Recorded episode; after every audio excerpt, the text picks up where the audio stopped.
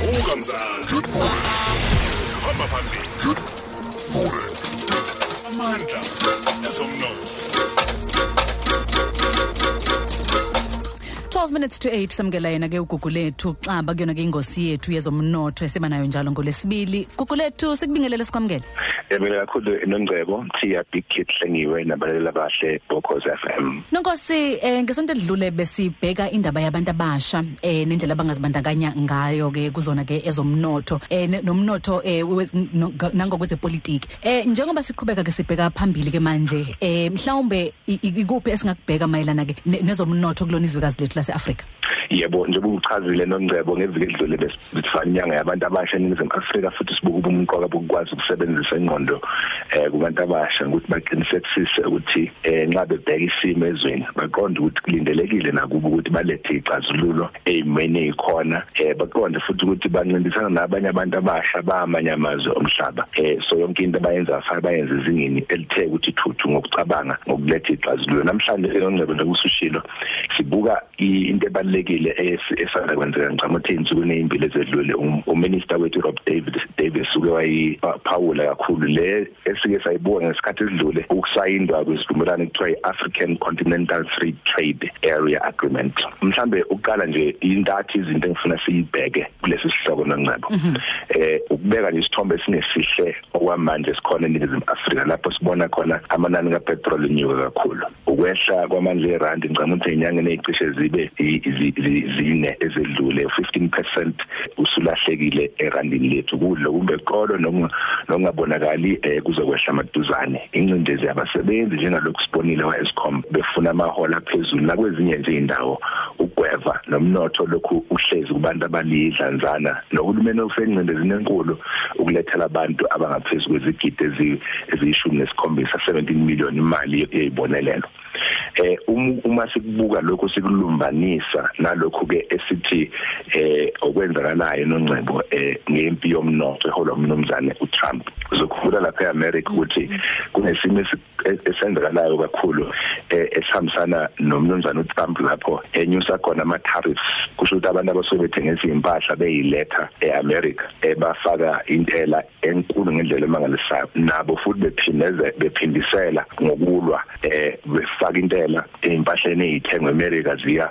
ko Canada ko Mexico sibonile neChina kamuva ukuthi nayo isesimeni sokuthi ithi ngoba nani nisifaka intela enkulu nathi sinifaka intela enkulu. Zonke ke lezi zinto eh, nongcebo ukuthi sizi siyiphawule siyiphawuliswa ukuthi eh, zinomthelelo omkhulu emnothweni ofana nowethu la eNingizimu Afrika njengezwe lincane eh uma kulu indlovu utshani ibona obulimalayo esikhathi esiningi.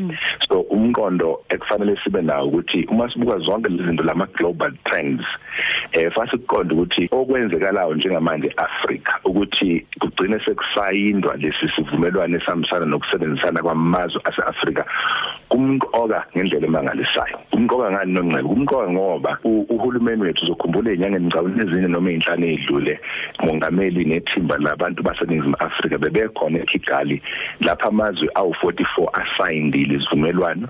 iSouth Africa neNigeria okungamazwe azikhondla khondla eAfrika awagasayinda wona kodwa asayinda nekuphela into yokuthi cha sisazobuye siyibhekisise le ndaba yokuthi sisayine nezivumelwano zokusebenzisana kwamazwe eAfrika eh noma cha. So kwenzekile ke lokho iNingizimu Afrika yasayinda.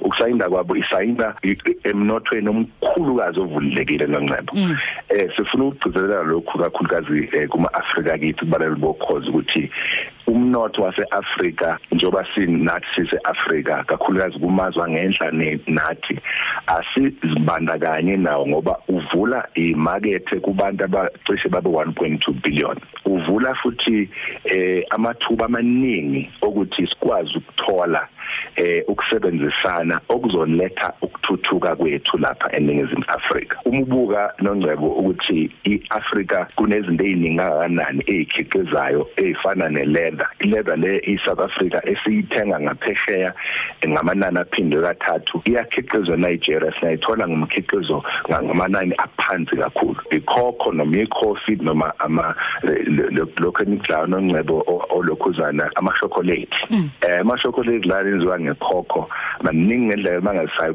ukhiqiza khona la eAfrica bese kubuya eSwitzerland so siyokuthenga sekubizwa kuthiwa iSwiss chocolate. Abangayikhiqizi wanhlobo bona eSwitzerland. So ubunkoka bokuthi sisebenzisane noma sakhe lesithombe eh esi positive ngeAfrica ukuthi fanele sibheke wonke lamathuba ngoba maduze ngiso bese sinama brands amaningi avele eAfrica sike sakhuluma last time ngeyimonto eseyivele ezakhiwa la eAfrica kune innovation ne creativity eningi enzeka la eAfrica ekumele ukuthi masiyilandelele.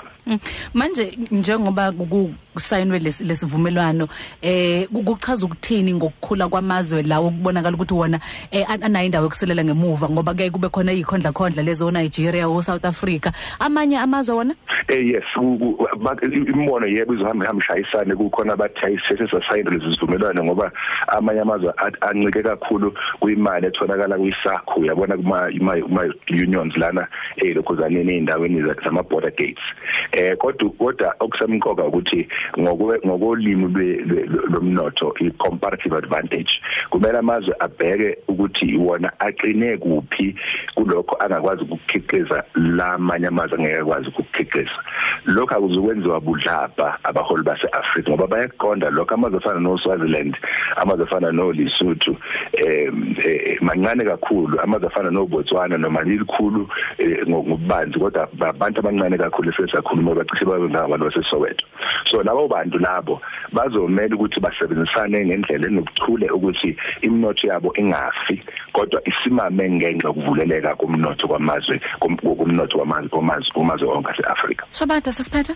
Sesiphethe nongcebo angisho ukuthi eh si kungekudala sokumemezela mhlambe evikini noma kwamabili ukuthi eh sizomemo ambassador laba abasuke betshalwe uhulumeni wakithi umhlaba wonke ukuthi ke bezochaza ngokukona ngobumqoka balokhu kunye ne-DTI eh ngoba lolwazi fanele finyelele ebantwini bonke baqonda ngoba uma nje sebeqalile bayagijima laba banamandla ukudlula thina ukuthatha amathuba la osevele seqalile ukukhulunywa ngawo enongcebo so ke eh ilokho sithi sizokumemezela mhlawumbe emavikini amabili ezayo. Sibonga kakhulu nonkosi ukuthi benathi ngiyabonga kakhulu. 4 minutes to 8 eh ezomnotho ke nayo kukulethu aba. Amandla ezomnotho.